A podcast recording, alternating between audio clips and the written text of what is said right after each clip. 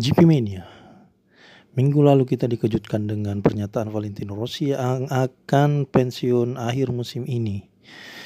Seminggu kemudian ada beberapa kejadian-kejadian panas dan drama-drama baru bermunculan. Apakah saja itu? Kita akan bahas di podcast Rapat Telinga. Jadi, jangan ke mana-mana.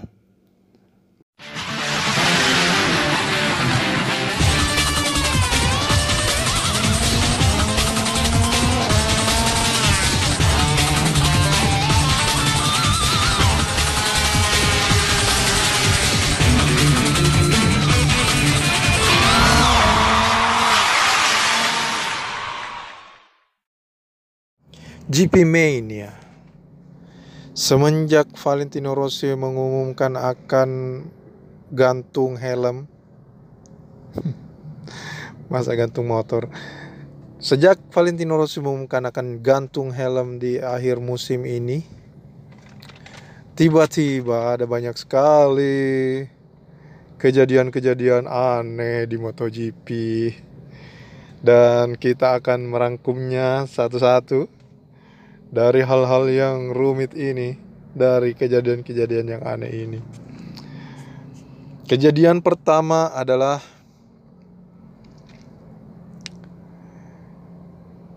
peristiwa di mana Raul Fernandez, pembalap KTM Moto2, akhirnya menjadi pembalap KTM Tech 3 untuk musim depan.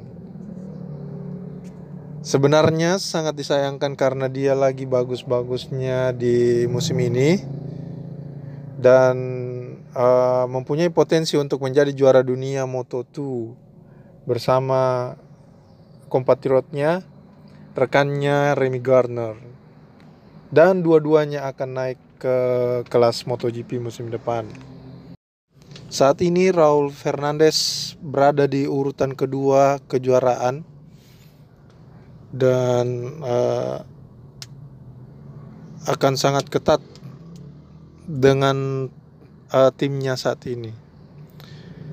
Jika dia naik kelas tahun depan dan merasakan uh, naik kelas dengan motor sat dengan motor satelit sepertinya akan sangat disayangkan sekali karena dia akan harus uh, kembali beradaptasi dan mungkin performanya tidak akan segemilang saat ini.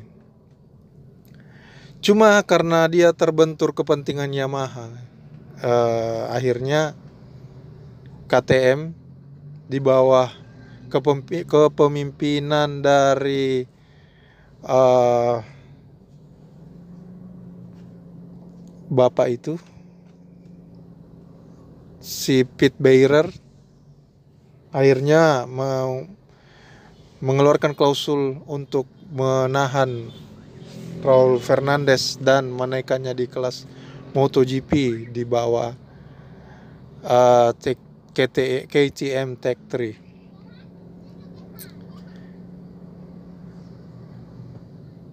Kalau kita kembali ke akarnya mungkin kita tahu bahwa musim ini uh, Maverick Vinales mengumumkan bahwa dia memutuskan kontraknya untuk musim 2022.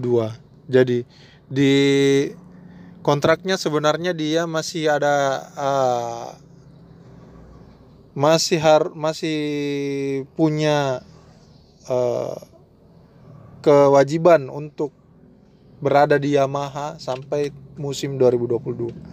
Cuman karena performanya yang semakin lama semakin tidak apik dan juga naiknya uh, performa dari teman setimnya Fabio Quartararo akhirnya mau tidak mau dia uh, memutuskan untuk uh, tidak melanjutkan kontraknya di Yamaha. Nah ini adalah uh, satu plot hole di Yamaha Kemudian setelah itu Valentino Rossi mengumumkan uh, bahwa dia akan pensiun. Akhirnya ada dua kursi kosong di Yamaha yang harus diisi. Nah, dua kursi kosong ini membuat uh, Lin Jarvis uh, menjadi kelabakan. Karena seperti kita tahu sendiri bahwa beberapa pembalap itu masih pembalap yang kompeten dan cocok dengan Yamaha itu tidak banyak dan mungkin beberapa masih berada di uh, naungan kontrak yang uh, bagus sampai musim 2023.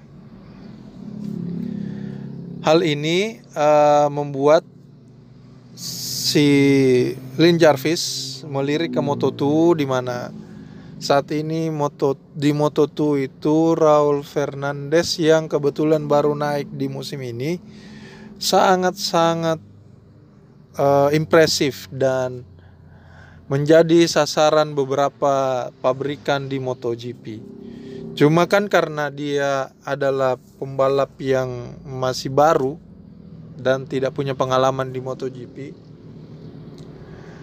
si Lin Jarvis punya ide dia akan memasukkannya di Petronas Yamaha dan menaikkan Franco Morbidelli di um, Franco Morbidelli di Factory Yamaha. Kalau dari formasinya itu kita bisa tahu bahwa uh, ada satu kursi kosong lagi di Petronas SRT setelah ditinggal Valentino Rossi dan Morbidelli.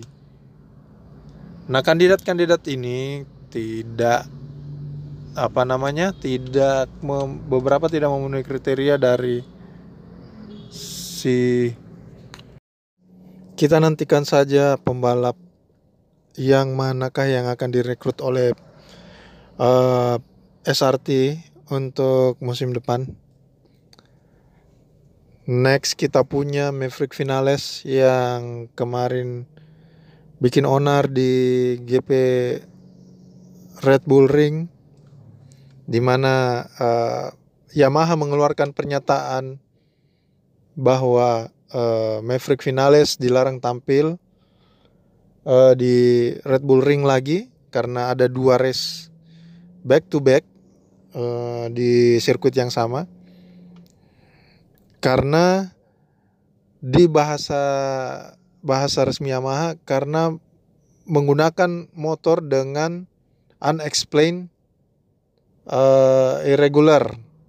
Jadi Yamaha menggunakan kata yang halus sekali untuk memberikan pernyataan bahwa Maverick Vinales menggunakan motor dengan tidak semestinya. Dan minggu depannya akhirnya Maverick Finales mengumumkan permohonan maaf.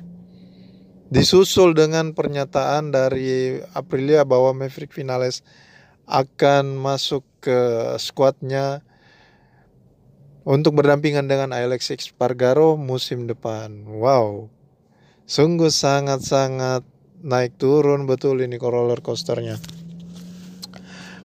Berikutnya kita ada berita dari sirkuit race week kemarin di mana uh, terjadi perlombaan yang sangat kocak.